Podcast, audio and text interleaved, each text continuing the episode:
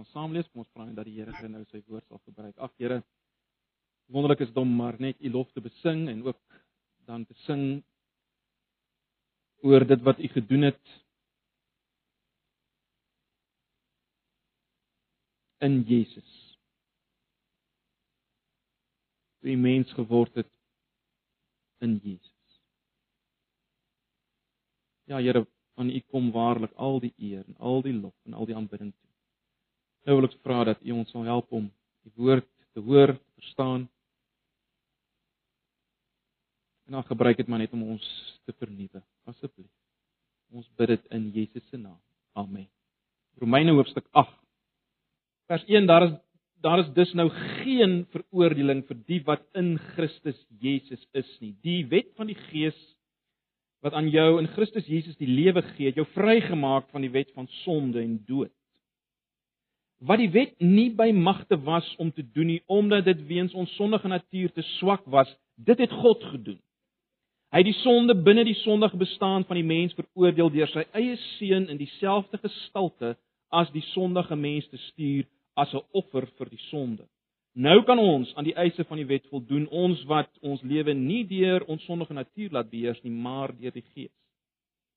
Die wat hulle deur hulle sondige natuur laat beheers, hou hulle besig met die dinge van die sondige natuur. Maar die wat hulle deur die Gees laat beheers, hou hulle besig met die dinge van die Gees. Die dinge waarmee die sondige natuur van die mens hom besig hou, loop uit op die dood. Maar die dinge waarmee die Gees hom besig hou, bring lewe en vrede. Die dinge waarmee die sondige natuur van die mens hom besig hou, is immers vyandskap teen God Die sondige natuur onderwerp hom nie aan die wet van God nie en dit kan trouens ook nie. Die wat hulle deur hulle sondige natuur laat beheers, kan nie die wil van God doen nie. Julle word egter nie deur julle sondige natuur beheers nie, maar deur die Gees, want die Gees van God woon in julle. As iemand die Gees van Christus nie het nie, behoort hy nie aan Christus. Omdat Christus in julle is, gee die Gees aan julle die lewe op grond van God se vryspraak, hoewel die liggaam vir die dood bestem is as gevolg van die sonde. Omdat die Gees van hom deur wie Jesus uit die dood opgewek is in julle woon, sal hy deur wie Christus uit die dood opgewek is, ook julle sterflike liggame lewend maak deur sy Gees wat in julle woon. Net so ver. Nou, uh, broers en susters, my my gunsteling strokiesprentboek is Calvin and Hobbes. Ek weet nie wie van julle ken dit nie. Calvin and Hobbes deur Bill Watterson. Nou Calvin, die hoofkarakter is 'n 6-jarige seentjie met ongelooflike inisiatief. Ehm uh, geweldig baie idees, geweldige verbeelding, maar ook ongelooflik stout. Ongelooflik stout. Nou, elke jaar net so voor Kersfees, so 'n paar dae voor Kersfees, dan raak Calvin paniekerig, bang en bekommerd. Jy sien, hy's bekommerd dat Kersvader boek gehou het van alles wat hy hierdie jaar gedoen het al sy stoutighede, al sy oortredings, veral sy lelike optrede teenoor die buurdogtertjie, dink Susie is haar naam. En daarom probeer Kelvin hier reg voor Kersfees sy bes doen om dinge reg te stel. Hy probeer sy bes. Hy het geweldige edele voornemens om byvoorbeeld uh nie vir Susie met 'n sneeubal te gooi nie. Maar hy kan homself net eenvoudig nie help nie. As hy as hy hom weer kan kry dan doen hy dit.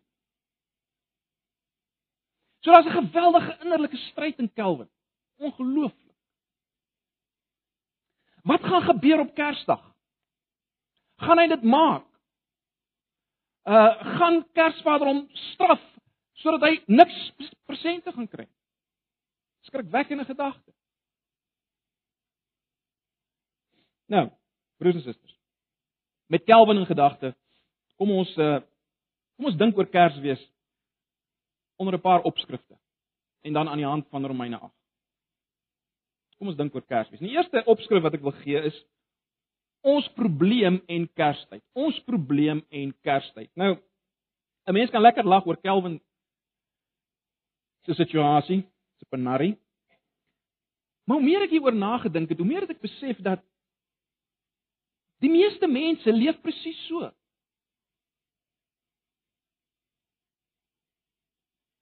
en miskien meer nog juis in Kerstyd. Die meeste mense leef so, soos Kelvin 'n paar dae voor Kerstyd leef. Jy sien ons is bekommerd dat God nie gelukkig is met ons nie.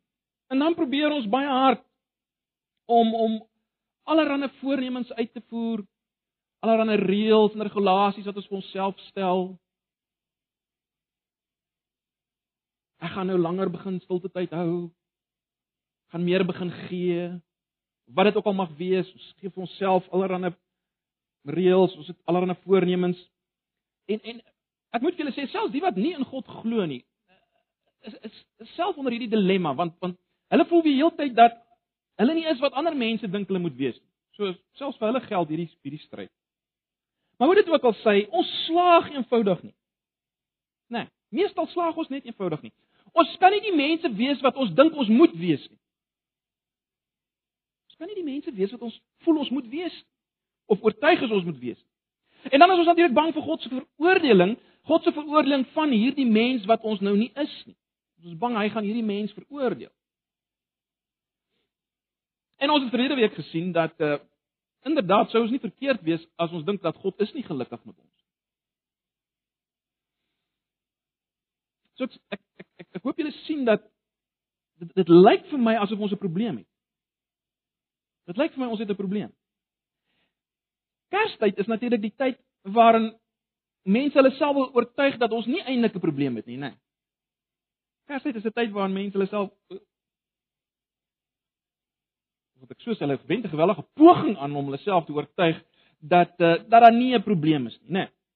En dan word 'n geweldige poging aangewend om om lief te hê, om om net oulik te wees met almal, om vrede te bewaar en so mee. Ek dink nie ek verkeerd as ek dink in Kerstyd voel baie mense ons kan dit tog maak nie, né? Ons ons ons oortuig onsself dat ons onsself tog beter kan maak. En dalk is God selfs gelukkig met ons daar waar ons rondom die Kersboom sit en onsself dik eet en gesels en so aan. Dalk is hy selfs gelukkig met ons.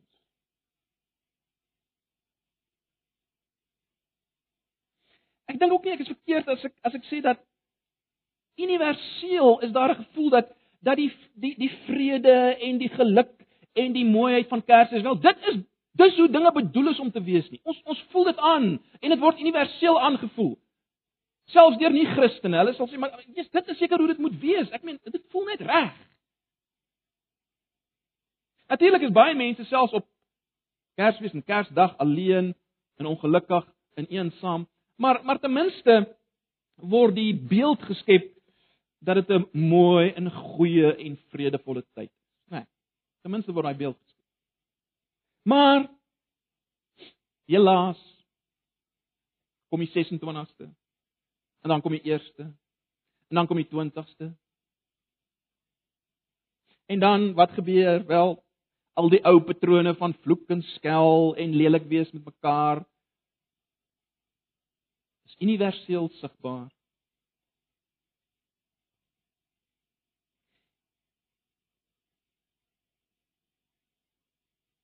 En wat ons mis, wat die meeste mense mis, broers en susters, is dat Kersdag en Kersfees roep eintlik baie hard tot ons uit.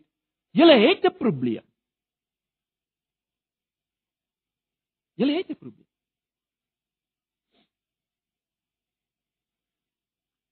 Ek sê Kersdag, as ons natuurlik met Kersdag verstaan die koms van Jesus na die aarde, né? Nee. As ons dit verstaan onder Kersdag, dan roep Kersdag uit: "Julle het 'n probleem. Julle is nie wat julle moet wees nie en julle kan nie wees wat julle moet wees nie." Dis wat die dag uitroep vir die hele wêreld. En dis wat Paulus hier in Romeine 8 onder leiding van die Heilige Gees vir ons wil wys.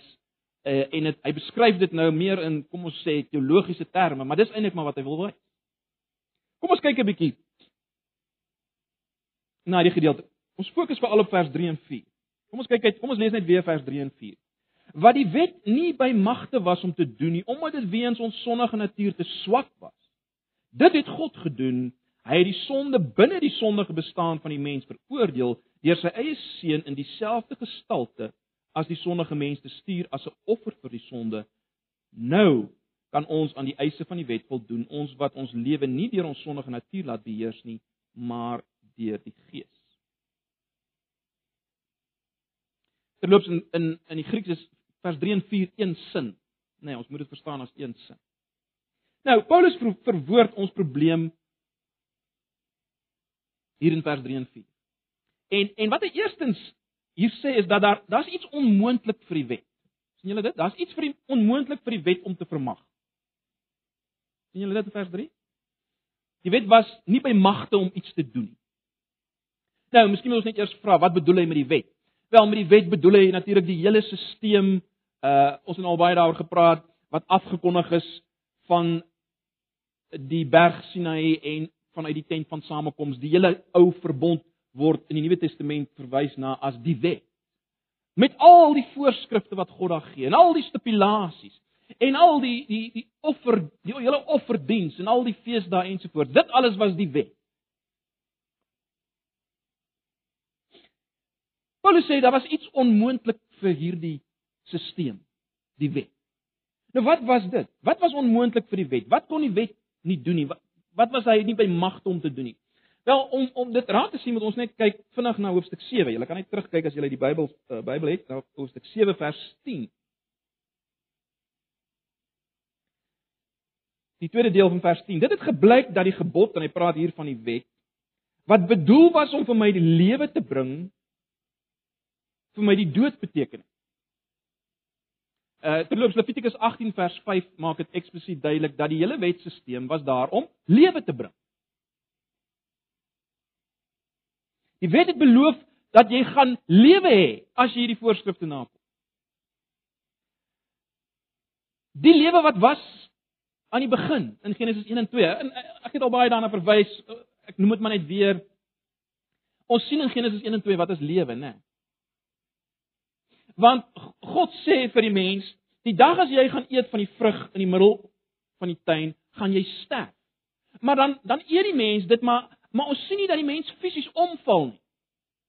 Maar ons sien wel 'n verskil nadat hy dit geëet. En wat is dit? Hy's bang vir God. Hy kruip weg vir God. Hulle begin mekaar beledig.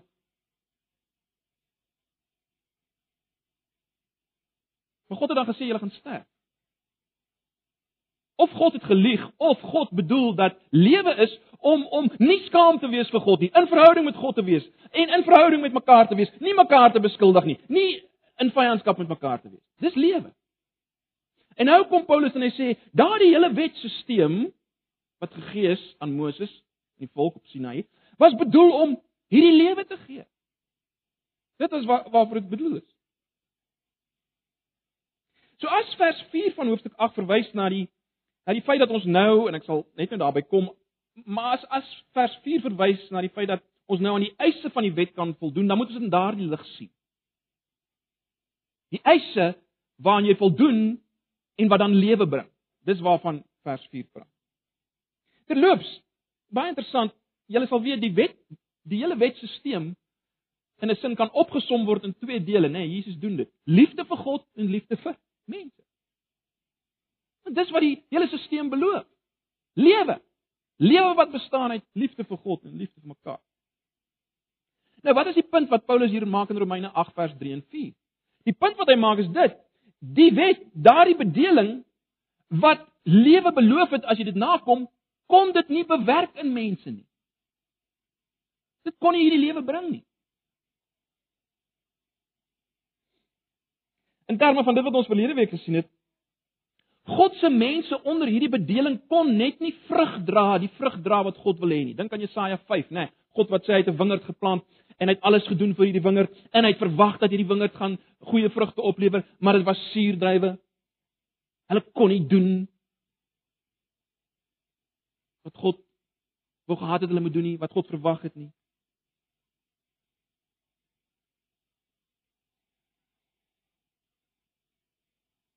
Die vraag is nou maar Hoekom?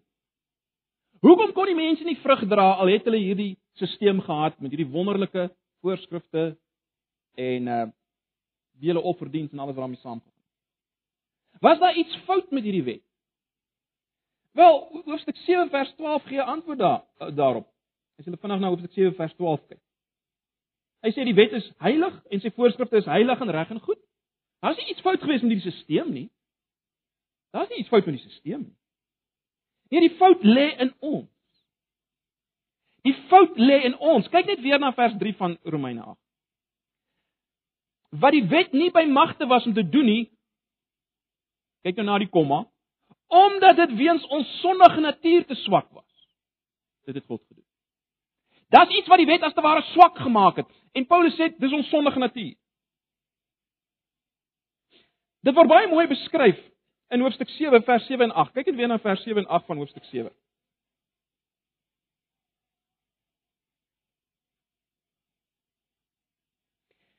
In vers 7 van hoofstuk 7 sê Paulus: "Wat is dan ons gevolgtrekking dat die wet van Moses sonde is? Beslis nie. Inteendeel, ek sou nie geweet het wat sonde is nie as dit nie deur die wet was nie. Ek sou byvoorbeeld nie geweet het dat dit sonde is om te begeer nie as die wet nie gesê het jy mag nie begeer nie. Maar deur hierdie gebod het die sonde vaste plek gekry en elke soort begeerte in my aan die gang gesit. Want sonder die wet is die sonde dood." So wat sê Paulus hier? Die probleem is sonde in my en jou. Al wat die wet gedoen het, die wet het die ding aan die gang gesit. Dit gestimuleer hierdie sonde wat in my is. Ek gebruik altyd 'n simpel voorbeeld, nê. Nee. As jy vir iemand sê, as jy vir 'n kind sê moenie die koekies in die op die tafel vat nie, dan dan ewe skielik, daar hy het geen probleem gehad met die koekies nie, maar ewe skielik as hy hom gesê word jy jy mag dit vat nie, dan word iets hier gewerk in hom en hy wil daai koekies vat, weet? En dis wat Paulus hier beskryf. Paulus beskryf Kelvin se probleem hier. Paulus beskryf Calvin se probleem hier. Dis wat Calvin beleef het as hy Susie uh besluit om Susie nie te gooi nie. Dis presies wat Calvin beleef. Die oomblik as Calvin besluit hy gaan vir Susie nie gooi met daai sneeubal nie. Skop iets hier in. Wat aan die gang kom en dat hy later nie kan keer nie en hy moet eenvoudig vir Susie met hierdie sneeubal. Dis wat dis wat vers 7 en 8 beskryf. Calvin se probleem. So die pro probleem hoekom daar nie lewe kon wees nie, broers en susters, ons moet dit sien. Die probleem hoekom ons nie God werklik lief kan hê en ons naaste werklik lief kan hê nie. Die probleem lê in ons, né? Nee, Daar's iets in ons, in ons natuur. En dis sonde. Dis hoekom die nuwe vertaling praat van die sondige natuur. Hierdie sondige natuur maak die wet soos Paulus dit noem swak bedoelende dit veroorsaak dat die wet nie lewe kan gee nie. Inteendeel, die wet bring nou dood. Maar die probleem is nie die stelsel nie, die probleem is in ons. Nou ek wil hê julle moet dit vir 'n oomblik daaraan dink aan hierdie ding wat in ons is. Dink daaraan as 'n vreeslike terminale virus. 'n Vreeslike terminale virus. Daar's geen manier hoe jy kan lewe solank jy hierdie virus het nie. Jy kan die beste voorskrifte kry en medikasie kry en ensovoorts, maar jy kan nie. En wanneer hierdie virus sy siklus voltooi het, wel dan bring dit die dood. Ewige dood. God se oordeel want God kan nie om dit so te stel, virusbesmette mense laat lewe nie. Veral nie op sy nuwe wêreld. Hy kan nie. En dit bring my by my tweede hoofpunt. Ons het nou gekyk na ons probleem en Kerstyd. My tweede hoofpunt is Kersfees as die radikaalste reddingspoging ooit. Kersfees as die radikaalste reddingspoging ooit.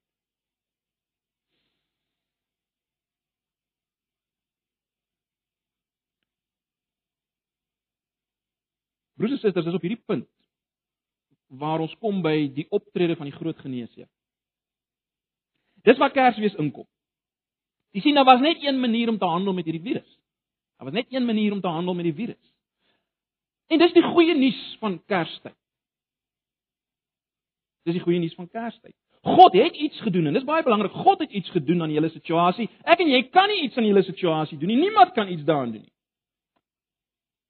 Niemand kan iets aan hierdie virus doen nie. Jy kan Kerstyd, soos ek alreeds genoem het, probeer gawe wees en oulik wees en wonderlike voornemens hê, maar iewers gaan die virus veroorsaak dat jy misluk en omdat jy misluk, gaan jy sterf uiteindelik. Dit gaan tot jou verdoeming lei want jou mislukking plaas jou onder God se oordeel. God weer eens kan nie mense met hierdie virus op sy wêreld laat leef nie sonder om op te hou om God te wees en goed te wees. En en dit bring ons by die meesterplan van Kersfees die meesterplan van Kersfees. Die kom van Jesus na die wêreld. Dis belangrik as ons van Kerstyd praat, is dit wat ons hier ten minste daarmee bedoel. Jy sien, die mens met hierdie virus moes uitgewis word. as daar 'n einde wil kom aan die virus, dan moet die mens met hierdie virus uitgewis word. Dis die enigste manier hoe jy die virus gaan uitwis. En ons moet dit raak sien vir oggend, net weer. Ag ek weet julle weet hierdie goed, maar agter Kersfees sit daar 'n geweldige ontsaglike haarfyn uitgewerkte goddelike beplan 'n meesterplan. Jy sien Daar was geen ander uitweg as om hierdie virus uit te wis deur die mens as te ware uit te wis. Daar was daar was net geen ander manier nie. Want ons het nou alreeds gesien die die hele bedeling van die wet wat God gegee het in die Ou Testament, wel, het gewys dat ons nie die virus in sy gevolge kan oorwin nie. En terloops, miskien moet ek net dit sê, dieselfde geld vir elke beginsel van wet wat jy in jou lewe inbou. Ek praat nie net met ander woorde, kom ons los nou net die die ou verbondstelsel, maar maar al die wette en regulasies wat jy ook vir jouself oplê. Ek mag nie dit doen nie, ek moet dit doen, ek moet my hierby hou. Al hierdie goed lei tot dieselfde ding. Mislukking, né? Nee. Al wat dit doen, dit maak die virus net meer aktief. Dit sit hierdie virus aan die gang om dit so te stel. Ek ken nou nie die lekker mediese terme in Johannes vir al om so oor 'n virus te praat. Maar goed. Maar net een plan kon werk. Net een plan kon werk. Om te handel met hierdie hele situasie. God moes mens word. En dis wat waaroor vers 3 praat, né, nee, van Romeine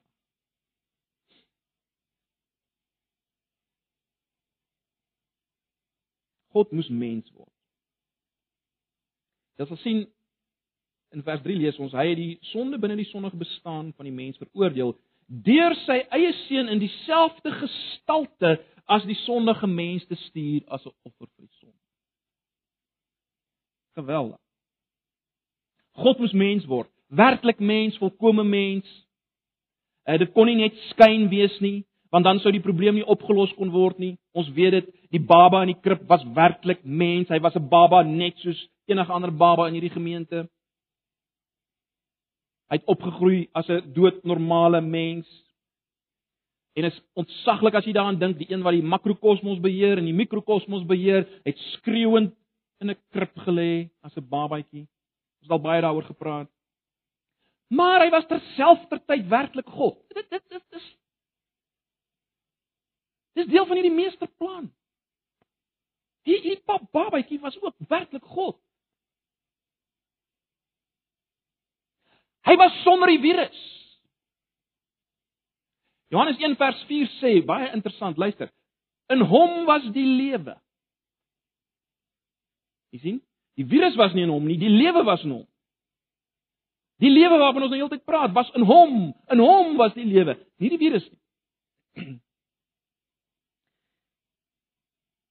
Ag, broers en susters, ons mag tog nooit vergeet dat die baba wat daar in die krib lê, het nie daar gelê om vir ons te kom wys hoe ons moet leef nie. Het nie daar vir ons in die krib kom lê om vir ons te wys hoe lyk liefde en om ons te probeer oortuig dat ons God moet lief hê en dat hy ons liefhet en al of hoe jy dit ook al mag stel nie. En nog minder lê hy daar om te sê, kyk, ek lê hier sodat julle vir mekaar presente kan gee op hierdie dag. Dis nie waarvoor hy daar is nie. Hierdie baba lê in daai krib vir een doel en ons moet dit vanoggend net weer verstaan. Hy moes die een wees in wie die virus uitgeroei word. Dis die enigste rede hoekom hy daar lê. Hy moes die een wees in wie die virus uitgeroei word. Jy kan dit amper vergelyk met met respek gesê. Jy kan dit amper vergelyk met 'n met 'n moslim selfmoordbommer wat op 'n bus klim. Daar's een rede hoekom hy op daai bus klim. Hy weet hy gaan nooit weer afklim van daai bus. Hy's vir een rede daar. Hy gaan sterf. Dis hoekom hy opgeklim het. Jesus het gekom om sonde te vernietig. Dis waarvoor hy gekom het. Dis wat vers 3 sê, né? Deur hom het God die sonde binne die sondige bestaan van die mens veroordeel. Deur sy offer. Hy het met sonde afgereken. Jy sien hy wat sonder die virus was. Die enigste manier hoe hy kon afreken met die virus is as hy wat sonder die virus was op 'n of ander manier die virus kon kry. En en, en dis waar die meesterplan inkom. Die virus word op hom oorgeplaas deur die meester geneesheer. Die virus word op hom oorgeplaas, my en jou sonde. Eilik meer as dit. En en dis natuurlik bietjie bo ons vuurmaakplek, maar maar jy sien eintlik is dit meer as dit ons self word deur God op hom oorgeplaas. In die geestelike riem natuurlik word ons die mens wat ons is met die virus, die mens in Adam as jy wil, net soos jy dit wil beskryf word op hom geplaas en hy sterf. Dis natuurlik waarvan hoofstuk 6 in vers 6 praat. Jy net vandag na hoofstuk 6 kyk. Romeine 6 vers 6. Romeine 6 vers 6 praat van hierdie hierdie gebeurtenis. sien julle dit? sien julle vers 6 van Romeine 6? Ons weet tog dat die sondige mens wat ons was saam met Christus gekruisig is sodat die sondige bestaan beëindig kon word. Hy is gekruis. Sondige mens toe Jesus gekruis. Ons is oorgeplaas op hom. Maar natuurlik omdat hy geen sonde gehad het nie, broers en susters, kon God hom opwek uit die dood. En dis waarvan vers 9 tot 11 van Romeine 6 praat. Kom ons kyk net na vers 9 tot 11 van Romeine 6. Ag, ons kan nou net raak vanoggend aan hierdie dinge hier's natuurlik wonderlike dinge. Vers 9 van Romeine 6. Ons weet dat Christus wat uit die dood opgewek is, nie weer, weer kan sterwe nie. Die dood het nie meer mag oor hom nie. Hy het gesterwe en is eens en vir altyd vir die sonde dood. Nou lewe hy en hy lewe vir God. Let op die woord lewe, né?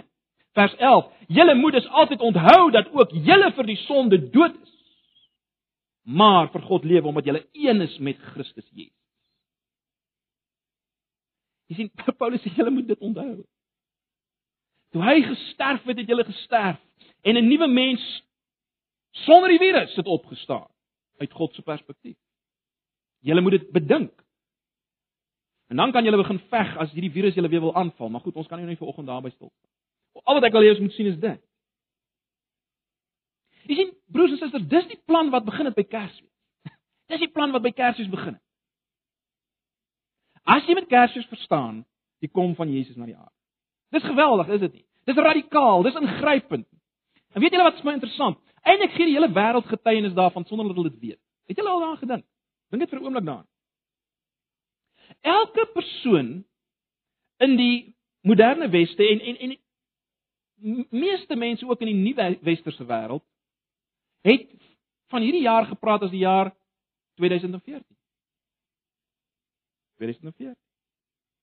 Maar jy al gedink die rede waarom bankiers en motorhandelaars en dokters en onderwysers en huisvrouens en advokate en skoolkinders hierdie jaar gepraat het van 2014 is omdat Jesus 2014 jaar gelede gebore het. Dis die eerste rede. Dis die enigste rede hoekom ouens hulle cheques geteken het. Wie wat nog cheques teken? 2004. Geen ander man het julle al aangedink, geen ander man in die geskiedenis het die universele eer gekry om die geskiedenis in twee te deel. Voor Christus, na. Almal gee erkenning daaraan. Selfs die groot staat hier is. Niemand het sulke definitiewe invloed selfs op miljoene wat hom nie as Here eer nie. Sulke invloed dat hulle geforseer is om getuienis te gee aan sy ongelooflike belangrikheid en sy inkom in die wêreld deur hierdie jaar 2014. Niemand. Ag en dink daaraan oral in die westerse wêreld en 'n groot deel van die nie-westerse wêreld erken Sondag as 'n vakansiedag. En in die meeste westerse kulture word daar erken dat daar 'n verskil is tussen Saterdag en Sondag. Wat is die historiese rede daarvoor? Wel, die historiese rede is Jesus is gebore, het gesterwe en hy het op Sondag opgestaan. Dis die rede. En die wêreld gee getuienis daarvan. Is geweldig. Maar goed. Ek kom by my laaste punt. Wat is die gevolge van hierdie Kersplan? Wat is die gevolge daarvan? Van hierdie radikale plan, hierdie genesingsplan.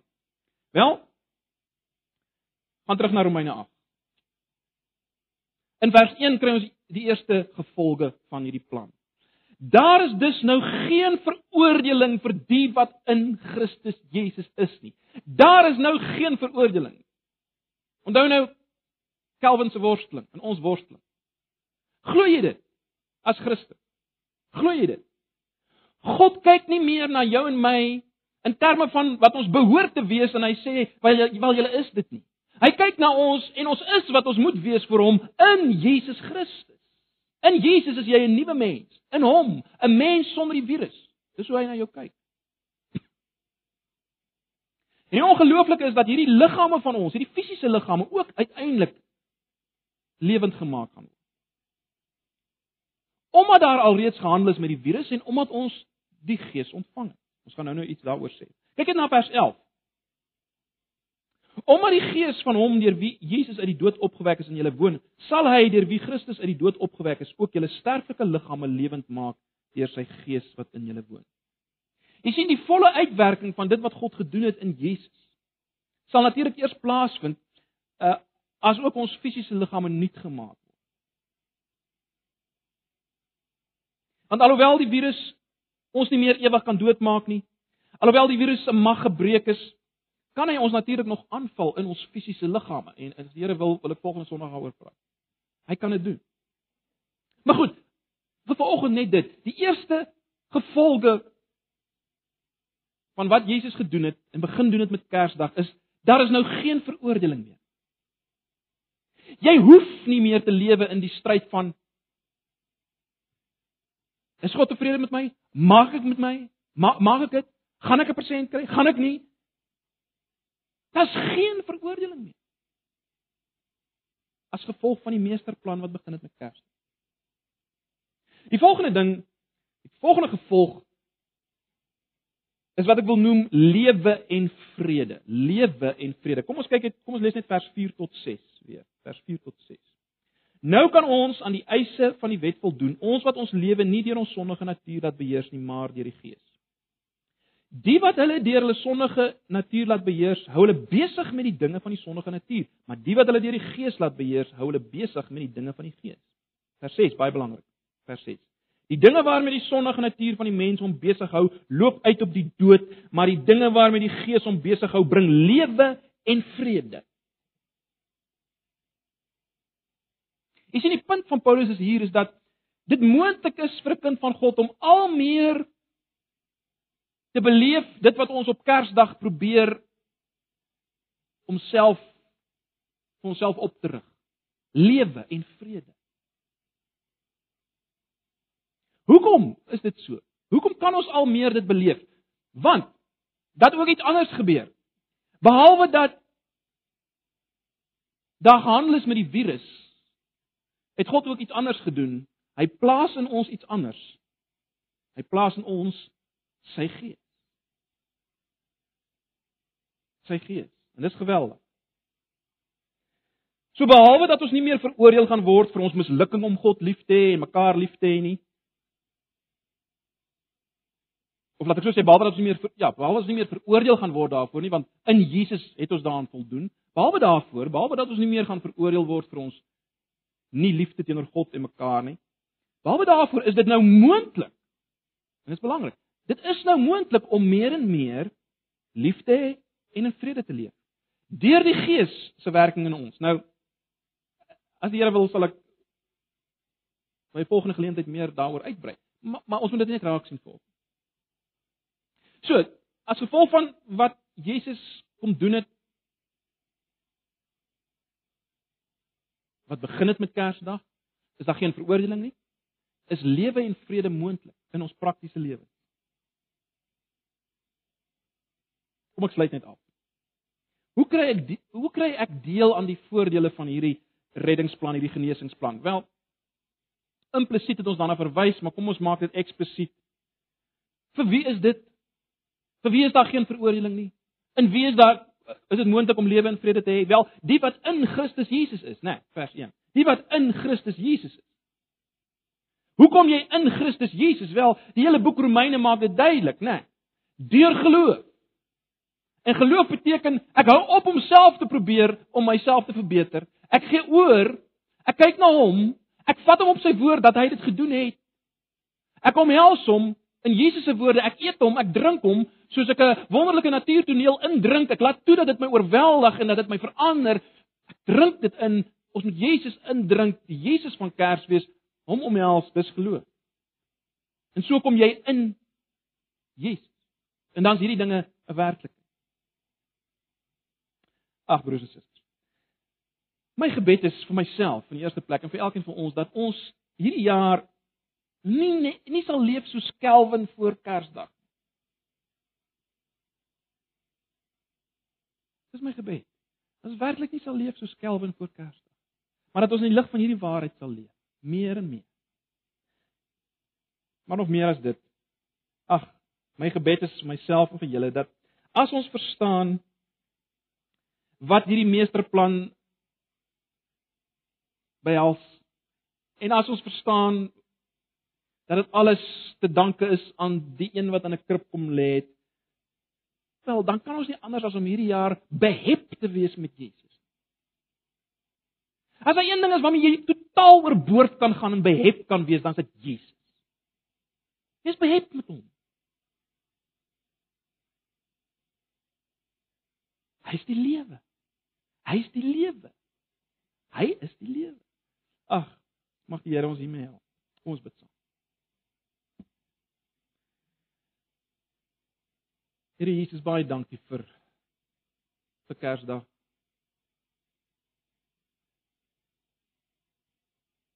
Dit wat ons maar net weer vanoggend kon raak sien.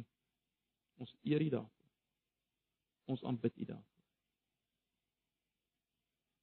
En ek kom al die lof, al die aanbidding, al die eer, al die bewondering. Amen. Kom ons sluit af met 'n